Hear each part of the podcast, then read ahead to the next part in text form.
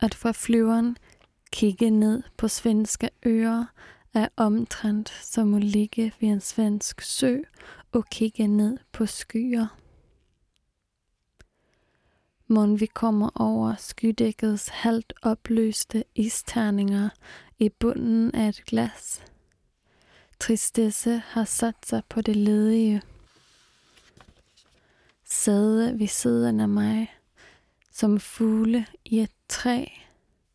Men se så der, den nedadgående sol stikker ild på søerne, som hvis man satte en tændstik til en pengeseddel og ridser sig ind i skyerne, som bliver der hældt tranebærsjuice i. Ej, så smukt. Det er som at være midt i et mesterværk, mens det males, eller i en orgasme eller bombe, der detonerer, som var livet pauseret i dets livligste øjeblik, eller som at gå vågen rundt i en drøm, at jeg ikke nænder eller magter at skrive om det, skrive det om. Måske er det nu, verden går i opløsning. Måske er der ikke længere noget land at lande i. Ingen krop at vende tilbage til, når du vil ud af drømmen igen.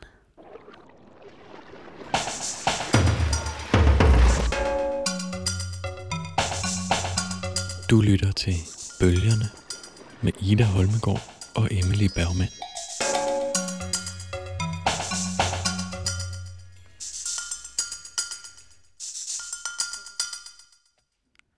Velkommen til Bølgerne. Jeg hedder Ida Holmegård.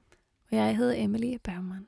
I dag så skal vi lave øh, et program om Rasmus Nikolajsens digtsamling fra 2016, øh, Tilbage til unaturen. Ja, og det er ikke en almindelig optagelsesdag, fordi Nej. det er nat. Hvad, altså, hvad mener du med det? Vi optager om natten.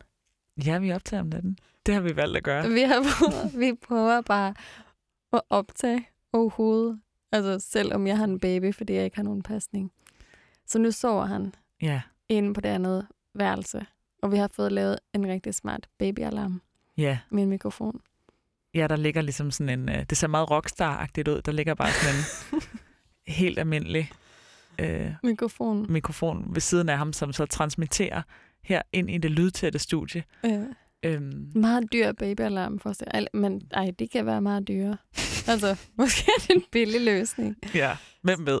Så hvis du er kæreste med en rockstjerne, eller en anden sådan, tekniknørd, Ja. så kan du bede hende eller ham og, og, og bygge et babyalarm. Og bygge en babyalarm på den måde. Altså, og hvis du ligesom tilfældigvis er inde i et lydtæt studie, hvor der er Hvis, ja, adgang, lydadgang via forskellige XLR jackstick Ja. øh, ind i din høretelefoner. så kan jeg anbefale det. Det er meget nyttet altså, at høre, at høre. Ja, det er ligesom det er en del af babyalarm, at vi sådan hele tiden, mens vi optager, kan, kan høre Eli, din babys åndedræt og snorken. Det lyder I som vores om, han ligger sådan en centimeter fra os. Ja. Natoptagelse. Uh.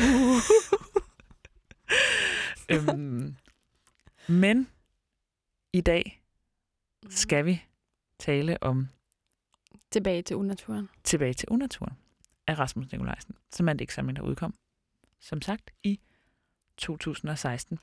Rasmus Nikolajsen, han er født i øh, 1977 og debuterede med samlingen Digte om lidt 2000. Han har siden skrevet flere digtsamlinger. Øhm, den, den seneste, der kom før den her tilbage til unaturen, den hed øh, Socialdemokratisk Digt, der kom i 2010. Mm-hmm. Så Mhm. der er altså, han har haft en, en pause i sit forfatterskab. Ja. Men den her tilbage til unaturen, den har altså fået en rigtig flot modtagelse, og blandt andet vundet kritikerprisen. Ja. Øhm, men det altså noget, jeg umiddelbart kom til at tænke på med den her bog. Ikke? Altså titlen Tilbage til unaturen. Altså, hvis man skal tilbage til noget, hvad var det så? Ja, hvad var det, der var før, og hvordan var det nu? Ikke naturen, åbenbart. Ja, tilbage Eller til, hvad? ja, tilbage til unaturen. Man skal Mm. tilbage til en natur, som måske aldrig har været naturlig. Øhm, men det her tilbage fik mig også, øh, og måske selvfølgelig sammen med resten af digtsamlingen, til at tænke rigtig meget på, øhm, hvordan den ligesom, ja, hvordan den peger tilbage, eller hvordan den forholder sig til sådan alt det litteratur om natur, øhm, Mm. som kommer før den. Så det er i hvert fald noget, vi også skal snakke om i dag.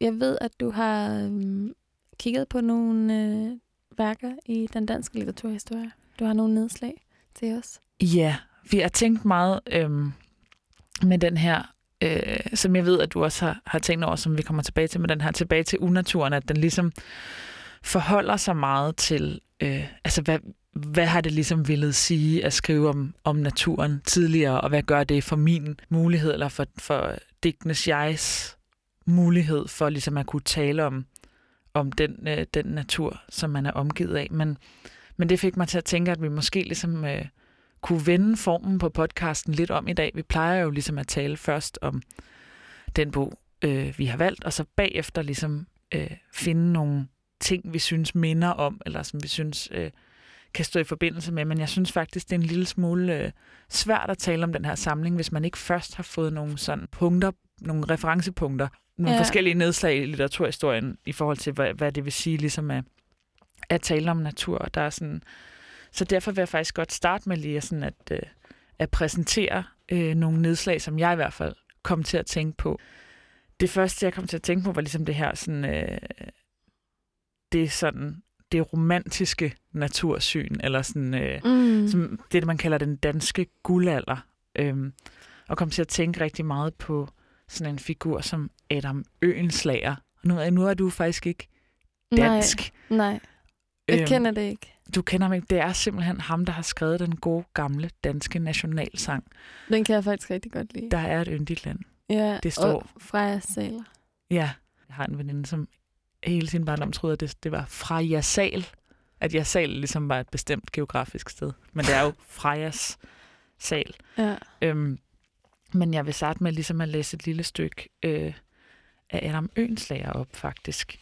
Et øh, lille digt, der hedder Hymne fra hans Sankt Hans spil, som er sådan en, øh, en lille romance, han har skrevet, en, en teater, et teaterstykke, en romance, der foregår ude i dyrehaven. Spændende. Tryllende harmoni i midnats dunkel jord, salig symfoni, hellig poesi uden ord, sammensmeltning af lund og sø og stierne og omslynget yngling og mø, favn mod favn, tolker hele naturens kærligheds navn. Mm.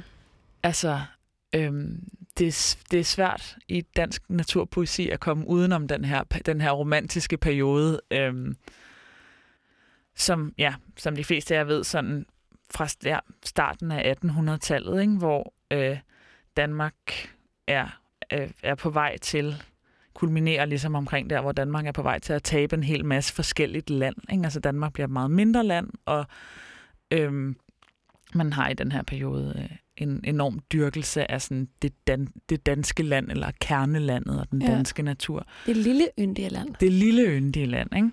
Mm. Øhm, men derudover er der ligesom også øh, i alle mulige forskellige kunstarter, også i, sådan, i musikken og i maleriet, øhm, den her øh, optagethed af den her tryllende harmoni og øh, hellige poesi og salige symfoni, som er nævnt i det her øh, øenslager digting. Altså virkelig en fremturende idé om, at poesien er sådan et sted, øh, hvor øh, digteren ligesom kan gennem en eller anden form for sublim oplevelse få lov til at forene sådan kærlighed og følelse og natur og øh, historien simpelthen, og ligesom Ja. altså hele det her brus øh, af betydning og følelse Mm. er ligesom noget, som sådan naturoplevelsen kan give adgang til. Øhm, som er så sådan meget stærk over i, øh, i dansk litteratur. Jeg læser lige et lille digt mere, som hedder Naturmysterie. Den vilde støj nu lyder ikke længere. Den store sværm fremtrænger ej i støvet. Ej længere under løvet kredsen sidder. Kun sagte fuglekvider sine toner så sødt i skovens kroner sammensmelter.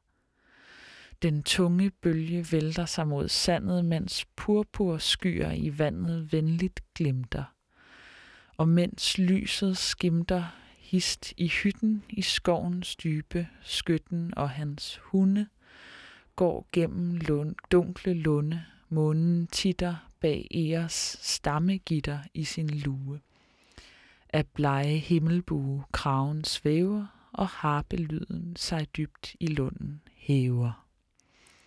Dejligt. Ja, altså det er virkelig den her sådan meget besjælede natur, ikke? At månen titter, og øh, skyerne spejler sig venligt. Mm. Øhm, og harpelyden i, sådan, i den her natur, øh, idyl eller naturmystik, som er skrevet frem, så hæver harpelyden sig ligesom til sidst langsomt ud af, af lunden. Det her med romantik på en eller anden måde er sådan et vigtigt punkt at få på plads, mm. øh, hvis man skal tale. Også sådan, øh, måske et, ja, et, et ønske eller længsel efter sådan noget helhedsfølelse. Mm. Øh, jeg læser lige et lille eksempel, øh, hvor romantikken sniger sig ind. Mm. Øhm, Østersøen 11. januar 2012. Se for dig et, et senromantisk maleri af Østersøen. Kort før daggry. Jo egentlig bare maling, sort, mørkeblå og grå. Men det vi ser er, hvordan himlen og hav på en gang er hver for sig og dog et.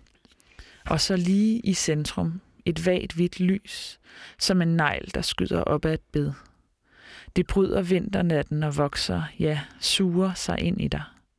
Det burde være solen, men det er Finlandsbåden, og i stævnen står jeg og aner et sløvt, vågnende, sølvernet lys, der ligesom skubber sig frem i kanten som fugemasse.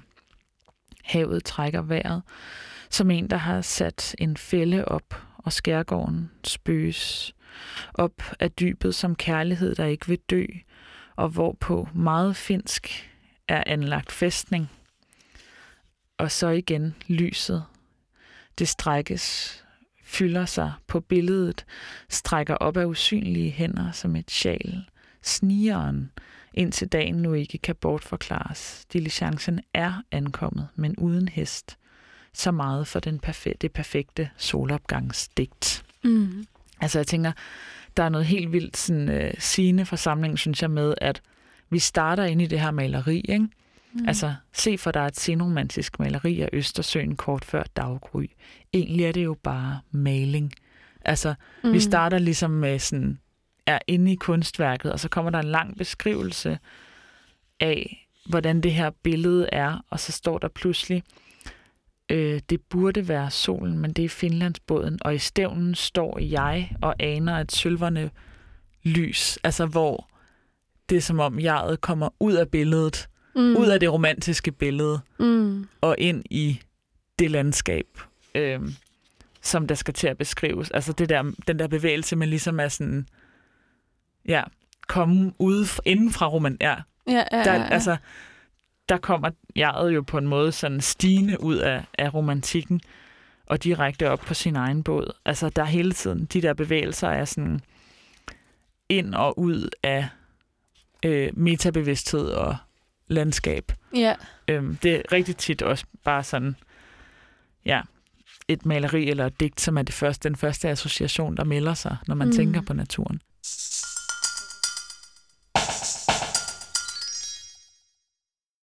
En anden ting, som jeg tænkte også kunne være fint lige at nævne i, øh, i forbindelse med, øh, med den her samling, er selvfølgelig, at, øh, at der også er tale om et systemdigt. Mm.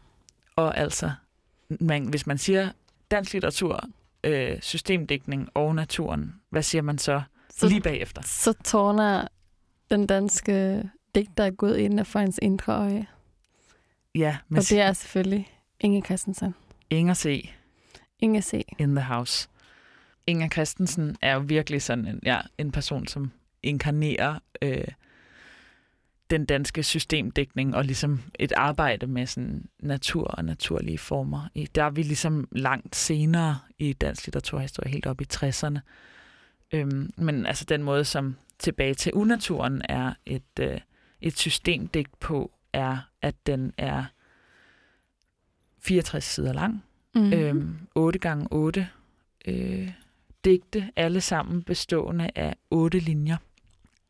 Øhm, og det er, så vidt jeg har forstået, også meningen, at der skal komme otte bøger. Så den er ligesom, der, digtene er meget sådan små, centreret. Så det er digte, men det er også en form for prosa, er det ikke? Ja, det er også en form for, for prosaform. Men grunden til at tænke på Inger Christensen er ligesom det her med, at digtene har valgt ligesom at tage en meget stram form på sig. Altså en, øh, eller et system på sig, som de ligesom skal falde indenfor. Ja. Du tænker måske mest på alfabet, ikke? Ja, helt klart mest på alfabet og på sommerfugldalen. Alfabet, den her meget kendte digtsamling, som ligesom starter med det her enkle digt, aprikostræerne findes, aprikostræerne findes, Mm. og så vokser den ligesom eksponentielt, øh, nævner alle de ting, der findes Mm. for hver i øh, alfabetisk rækkefølge, øh, eller den starter med ting, der starter med A, aprikostræerne, Mm. øhm, og fortsætter sig med ting, der starter med B, ting, der starter med C, og for hvert bogstav øhm, kommer der ligesom flere og flere linjer, den følger den her Fibonacci-talrække, en øh, fremskrivende talrække, hvor man hele tiden lægger de to foregående tal oven på hinanden. Skal også sådan huske at sige, at, at systemet hos Inge Christensen bryder sammen til sidst. Ja. at den vil ligesom blive for lang. ja.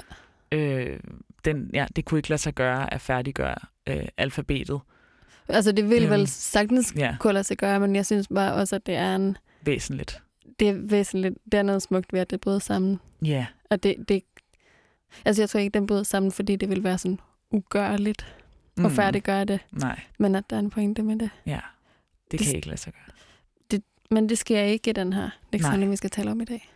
Men noget, jeg, jeg tænker på, når jeg tænker på hende sådan, hvis man ligesom, ja, måske skal forsøge at placere bare en lille smule, hvad det her med at have et system kan gøre ved, eller sådan, hvordan det griber ind i et forhold mellem, øh, mellem natur og digt. Så når jeg tænker på hende, så tænker jeg meget på den her, ja, sådan helt grundlæggende tanke om, at, at sproget også er en naturform. Altså, mm. At den vokser ligesom, at sproget ligesom i den her Fibonacci-række er den måde, som konkylier og romanesco-kål øh, vokser sig større. Altså det er ligesom øh, en formel, der kan appliceres på, hvordan alle mulige ting i naturen vokser sig større. Mm. Hvordan solsikkers øh, kerner ligesom øh, snor sig om sig selv. Og det med at tage den form øh, og på en eller anden måde pode den på sådan en øh, sproglig grundform, som er alfabetet, tænker jeg ligesom er at pege på, at, at sproget ligesom er meget nært beslægtet med, eller er en af de slags ja, mm. Underlige altså- planter, der er vokset ud af Men det naturen. der 888 er ikke noget, man kan finde. Nej, i det er naturen, et, et system, men ja. altså, hvordan, jeg synes, det er svært at forstå sådan øhm, præcis. Altså, det er jo noget, der, noget, den også ligesom har som en regel, den her øh, tilbage til unaturen, som også måske er et system, eller kan peges på som en form for system, er, at alle digtene er skrevet i naturen. Mm.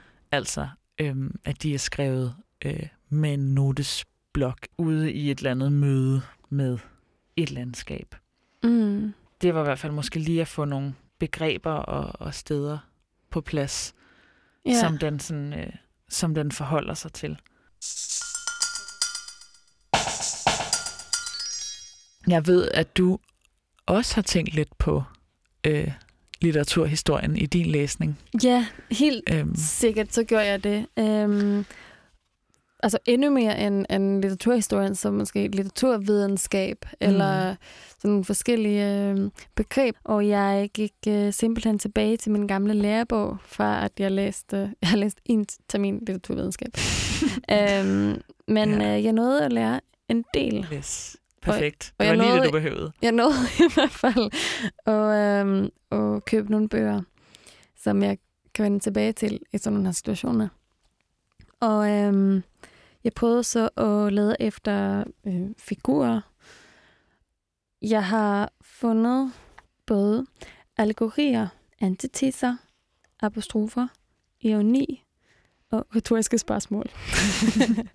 altså, nu ved jeg ikke, om det hedder det samme på, på svensk, men det går jeg ud fra. Altså, Mm. jeg, det er sjovt. Ironi øh, regner de også som en, øh, som en figur og retorisk spørgsmål. Men øh, jeg tænker måske, at vi bare kan gå, gå dem igennem. Ja. Ja. En, øh, en allegori, som er det første her.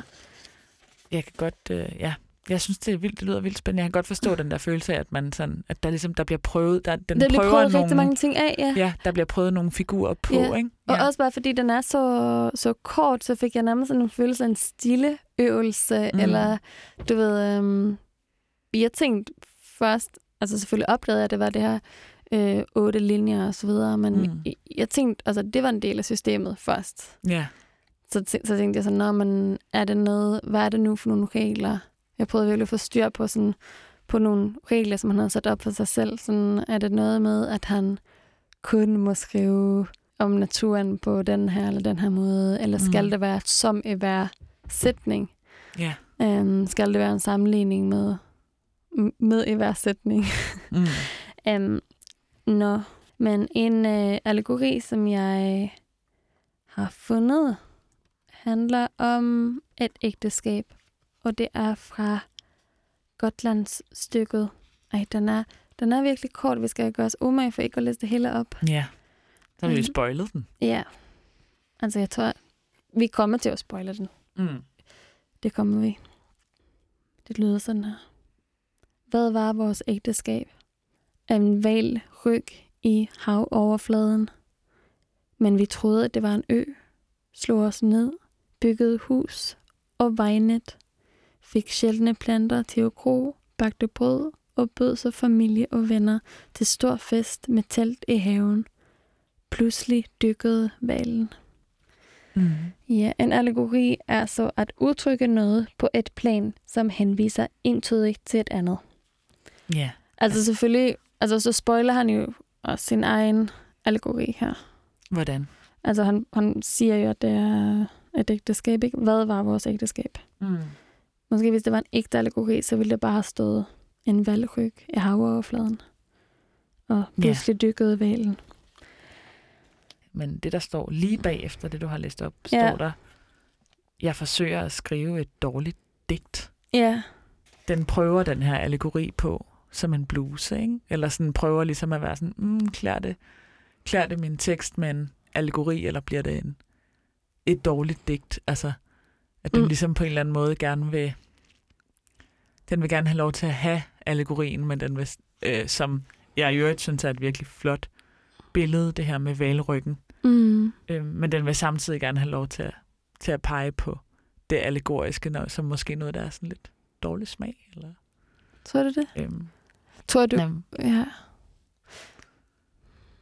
Den er meget bevidst om smag, i hvert fald hele samlingen. og sådan, øh, ja, Måske kan vi komme ligesom? tilbage til det. ja, helt klart. Så fortsætter jeg til antitesen, øh, som er en sammenstilling af modsætninger. Jeg læser fra Salztraumen den 20. december 2013. Hvilket ord må bedst beskriver havørnens svæv? Majestætisk falder mig først ind. Det er det, man siger. Men det er noget ynkeligt, utidsvarende over majestætisk. Som en klovn, der ikke har til sit kostume af. Og havørne kan nok også være såvel komiske som ynkelige for hotelcaféen, hvor jeg varmer mig med kaffe, kan jeg ikke undgå at bemærke, at beboelseskvarterer og vejnet er skubbet helt tæt på ørnenes habitat. Både majestat og ørn lever kun i kraft af en fredens ordning, kunne man sige. Men se så der, havørne i svæv over saltstraumen, verdens stærkeste malstrøm. og spidse sneklædte fjelle som baggrund i fløjsblåt søvnlys. I balance, swag, kommer jeg op med. Havørnen svæver, swag. Og jeg kan ikke lade være med at tænke på, at verden nok ville være smukkere uden mennesker. Der ville blot ikke være nogen til os hele tiden at sige smukt. Ja, der er der helt vildt mange modsætninger Mm. i det her lille stykke. Der er havørnen, der er både majestætisk og ynkelig og, og svag, og der er det her fine sprog, og så Mm. swag, Ja, der måske alligevel bedst skal beskrive det. ja. Øh, det Ja. han ser, ja, man kan sige, at det er både sådan en masse forskellige stillejer, ja, øhm, og sådan ligesom, og så ja, er de stil, stillet mod hinanden. ja, Men også den her om, opremsningerne og modsætninger, var den måde ørnen øh, flyver på. mm. Øhm, ja, som man hele tiden ikke rigtig kan finde det. Altså, digtet tillader sig, at alle de lidt forkerte ord ja, skal med, ja, eller sådan Men- alle overvejelserne, før man finder det rigtige. ord, ja. Men hvis man går tilbage til antitesen, så tænker jeg bare, Ja, Øhm, altså den største antitesen i hele det her stykke er jo, at han prøver at beskrive noget, mm. øh, som er smukt. ja, Eller jeg prøver at beskrive noget, som, øh, som jeg synes er smukt.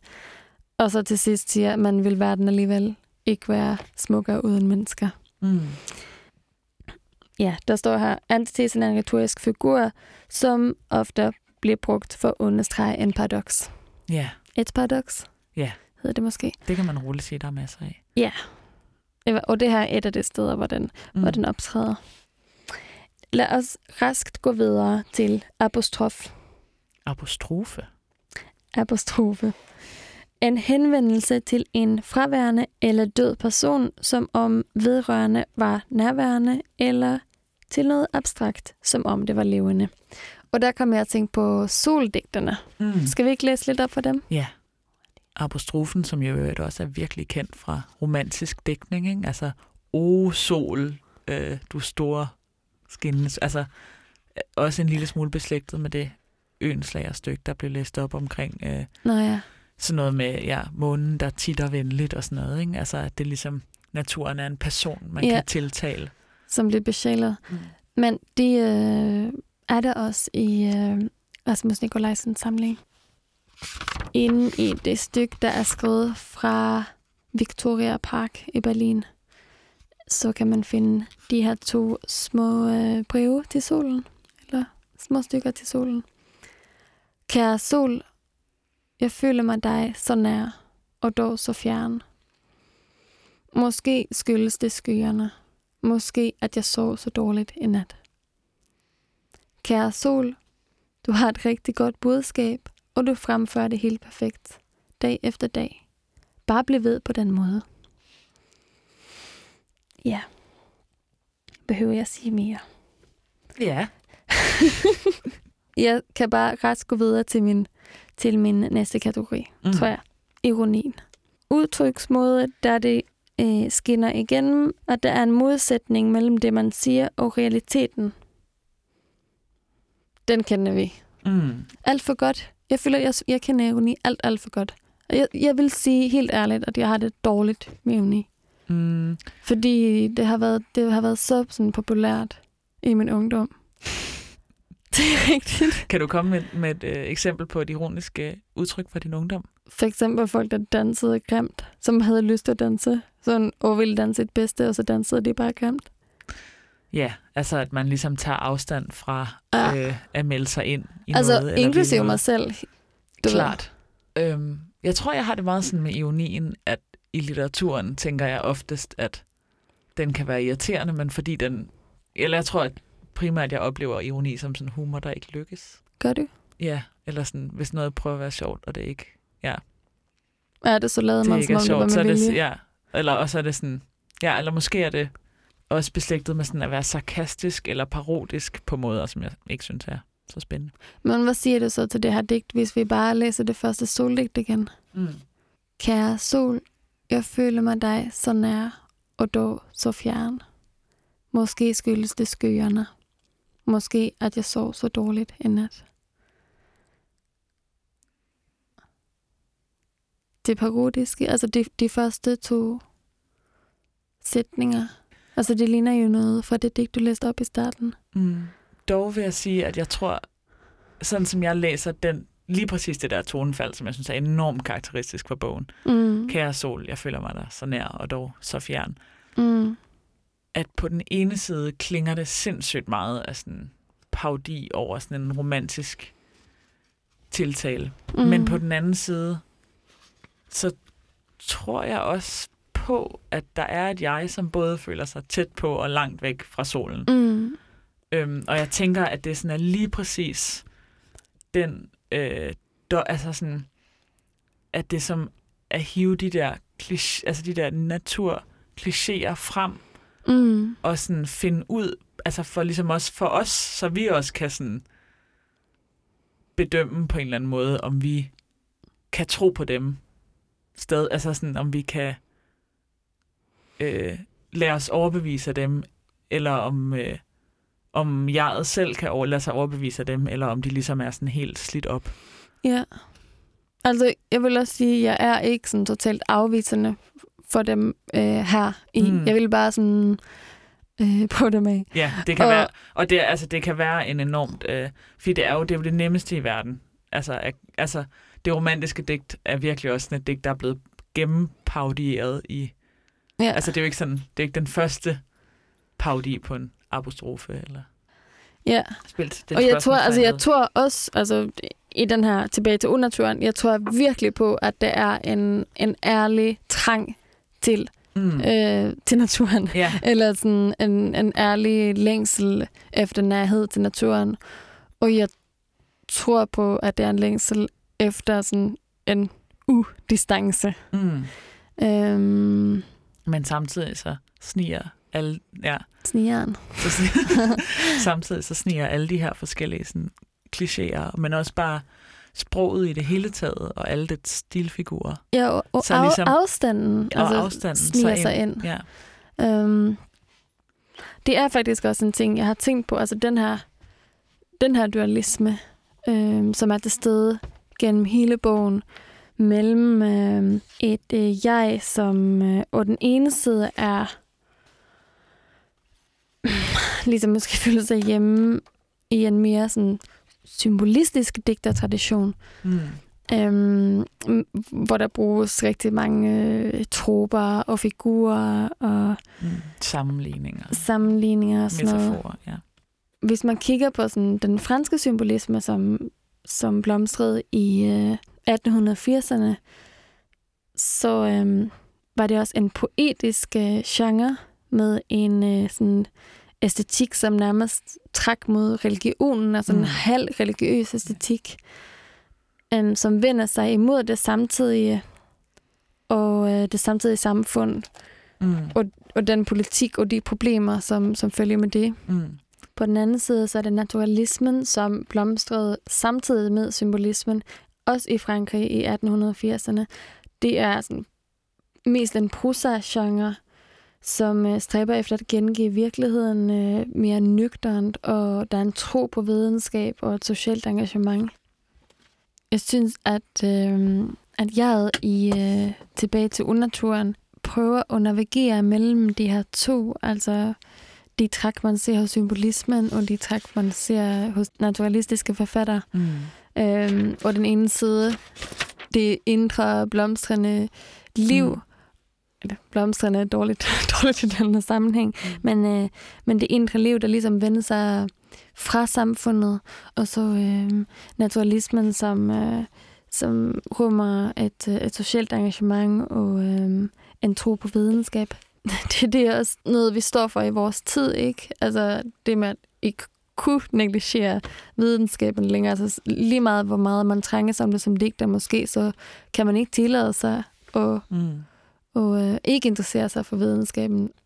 At det er måske det, der er med den der unatur. Altså ja, med det der ord, at man ikke ligesom kan adskille øh, naturen fra alt muligt. Altså sådan, at den ikke længere er ren, eller sådan nej, selvstændig, præcis. eller tilgængelig for der- det der, altså det, som du også læste op tidligere med, øhm, om naturen ikke ville være smukkere, hvis mennesket ikke fandtes, men så ville der ikke være nogen til at sige smuk. Altså, Ja, præcis. at man er ligesom et sted. Jeg tænker, måske, ja, at det ligesom er sådan mere end nødvendigvis en, en ja, dualisme mellem de punkter, den ligesom forsøger at forholde sig til alle mulige forskellige, ja. Det er helt sikkert også Ja. det, jeg, jeg mener, ikke? Altså, når jeg siger, prøve at navigere Ja, mellem de her, mellem alle de her ting. Og, ja, ja.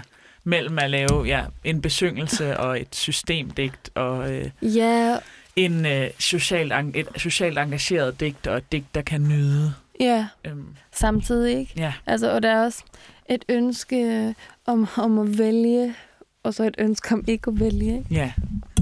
Er det nok? Inte så. Inte så.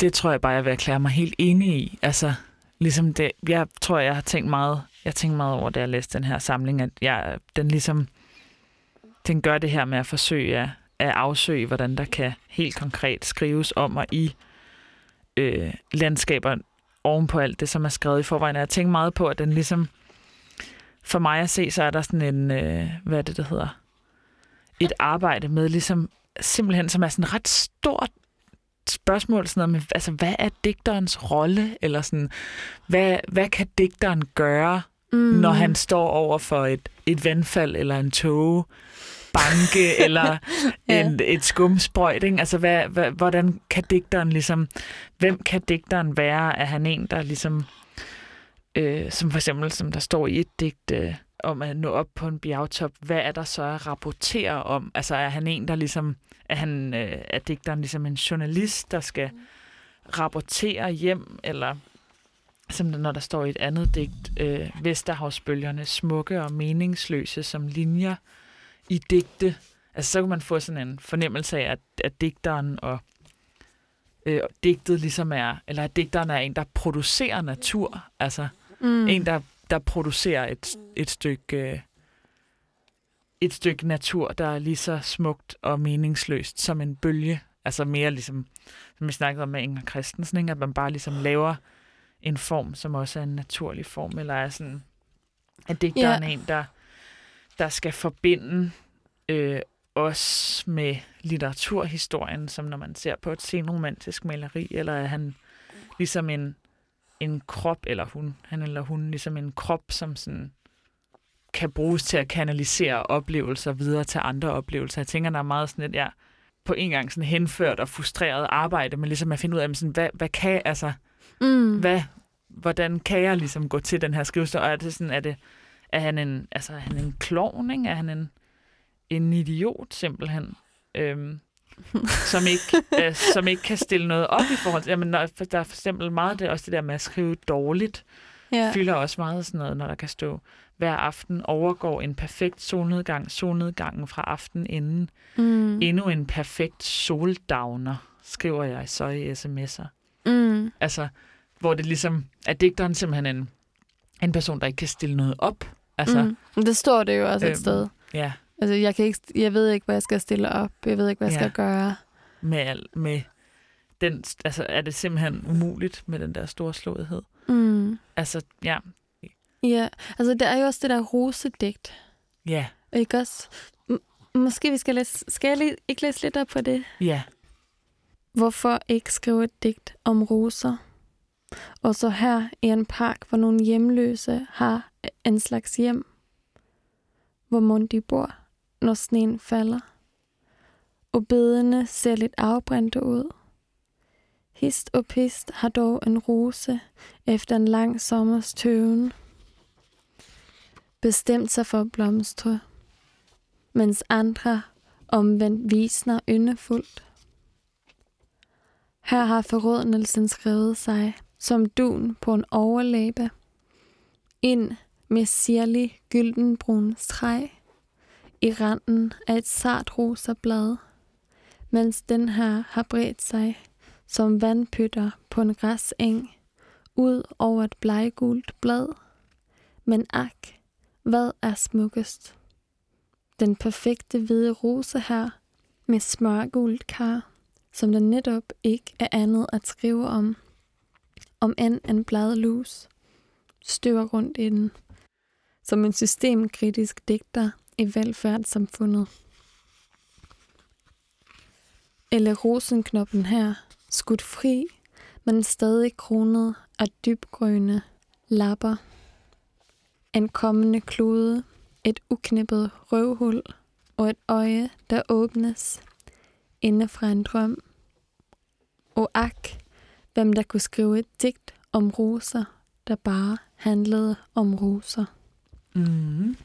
Hvem der kunne det? Ja, hvem kunne det? Det?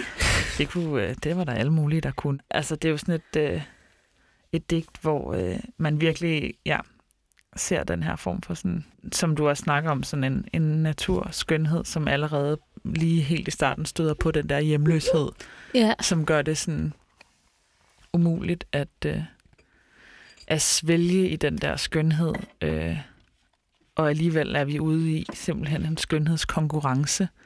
Et pageant, hvem skal være Miss Universe, hvem skal være Miss Rose, skal det være den perfekte hvide rose med smørgul kar, eller skal det være rosenknuppen? Og jeg må sige, jeg synes, altså, jeg er rigtig glad for den her dæksamling. Jeg synes, det, eller jeg synes, der er rigtig mange fine ting, og jeg synes, den stiller nogle, det I kan høre i baggrunden er Eli, Emilys barn, som øh, er vågnet og kommet med ind i studiet. Det må I leve med, kære lyttere. Øhm, Men, jeg er også øhm, glad for den her digtsamling, vil jeg skal huske at sige. Jeg, ja, jeg altså, kan virkelig godt lide den, og måske har jeg virket mere kritisk, end jeg er. mm, Øhm, jeg har virkelig nyt at læse den. ja, altså, den er meget præcis, og det er sådan, jeg synes, det er på en eller anden måde sådan lidt beundringsværdigt. Øh, og sådan med et stort overskud, det der med ligesom at prøve så mange forskellige eller at prøve de her stilistiske figurer på, og ligesom både prøve dem på at mærke, hvornår de klemmer, og sådan, øh, hvad det er for et ubehag, altså hvad er det for et ubehag, der kommer ud af, for Ja. eksempel at prøve at skrive sådan et, et rosedigt, ikke, når man står i en, en park fyldt med Helt hjemløse. sikkert. Men, Men- Men jeg kan virkelig godt lide digtsamlingen, vil jeg sige. Men det er også, fordi jeg kan lide symboler. Ja. Altså, det er, fordi jeg kan lide symbolisme. Ja. Rigtigt. Altså, Mm. Dog vil jeg bare ligesom tillade mig øh, at pege på et, et enkelt sted i, øh, i den her digtsamling, hvor jeg var meget, øh, blev meget uforstående, og faktisk også en lille smule, øh, jeg ved ikke, anfægtet i hvert fald, som er mod slutningen af det digt, der lige er blevet læst op, hvor der står det her øh, om den perfekte, hvad er det smukkeste, den perfekte hvide rose med smørgul kar og så videre, eller rosenknoppen her, skudt fri, men stadig kronet af dybgrønne lapper, en kommende klode, et uknippet røvhul og et øje, der åbnes inde fra en drøm. Altså, det her uknippede røvhul, ikke? mm. altså rosenknuppen, den øh, kommende klode her, rosenknuppen, som endnu ikke er øh, sprunget ud, som ligesom skal sammenlignes med det her uknippede røvhul. Og jeg tror, jeg har, jeg har tænkt rigtig meget på det her billede egentlig, altså Mm. Øhm, hvorfor, hvorfor det ligesom skulle stå der. Altså, øhm, man er ude i at prøve at sådan bevæge sig hen imod at skrive om, om de her roser. Jamen, jeg tror bare, jeg sådan, tænker på det her uknippede røvhul sådan umiddelbart, da jeg læste i sætningen, tænker jeg sådan, "Jamen, hvorfor skal det ligesom hvorfor skal det med? Altså, det virkede sådan en lille smule sprogligt effektsøgende. mm. Altså, at man gerne vil, apropos de her antiteser, som du snakker om, så man gerne Ja. lave et stort stilistisk stammestød, ikke? Ja. Øhm, at man har den her øh, rose skudt fri, men stadig kronet af dybgrønne lapper. Altså, man har sådan en noget, der ikke helt er blevet er sprunget ud endnu, noget, der ikke helt er blevet blomst endnu. Jeg tænker bare sådan, hvad er forskellen på et, ja, hvad er forskel på et røvhul, der er blevet knippet, og der ikke er blevet knippet? Altså, jeg synes, at det kommer til at stå meget som sådan et billede på sådan en jomfruelighed. Altså, Ja. øhm, og en jomfruelighed, der ligesom peger tilbage på den ting, som er blevet knippet. Altså, at der ligesom skulle være noget fundamentalt anderledes ved øhm, et uknippet røvhul og et knip. Altså sådan, at det ligesom skulle være sådan, ja, det, at det er noget, der sådan øh, helt har ændret sig, eller har ændret kategori, eller sådan har ændret, netop hvis man skal trække en metafor fra det, sådan øh, værre måde af at blive knippet. Det synes jeg, jeg ved ikke, jeg synes, det sådan, ligesom er sådan øh, underligt, for altså sådan ukarakteristisk effektsøgende og upræcist for samlingen, og jeg synes også, at det sådan peger meget på sådan et en, øh, i ligesom i, fordi det gør det, altså fordi både rosenknuppen og det her uknippede røvhul ligesom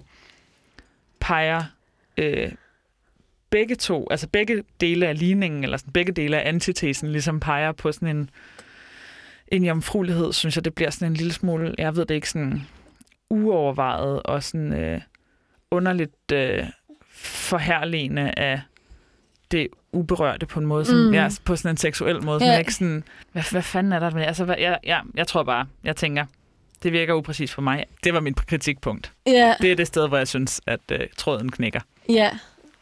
Øhm, tak for det. Og videre vil jeg så gå til øh, et rigtig godt Ja, digt om, øh, om en rosenknop.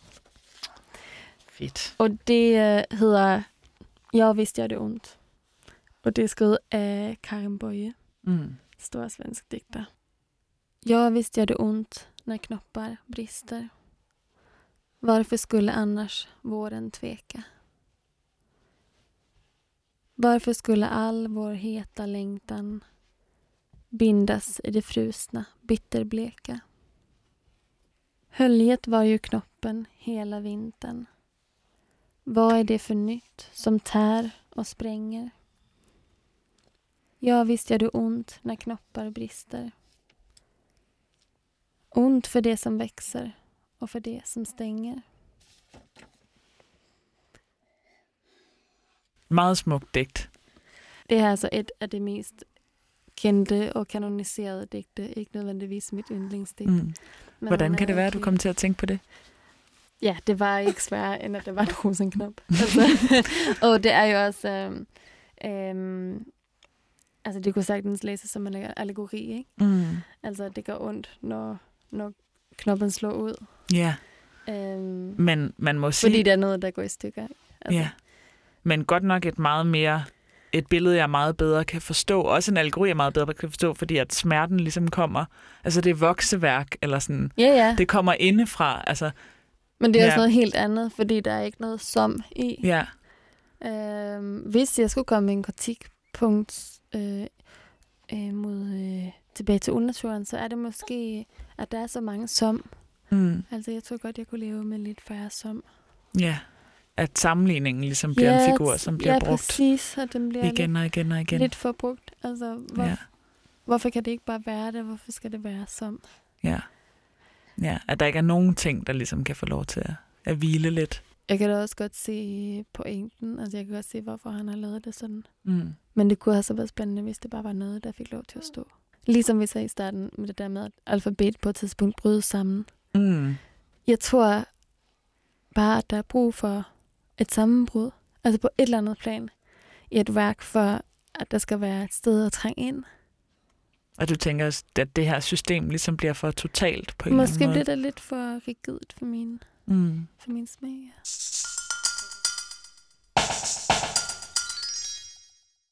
Det var alt fra bølgerne for den her gang.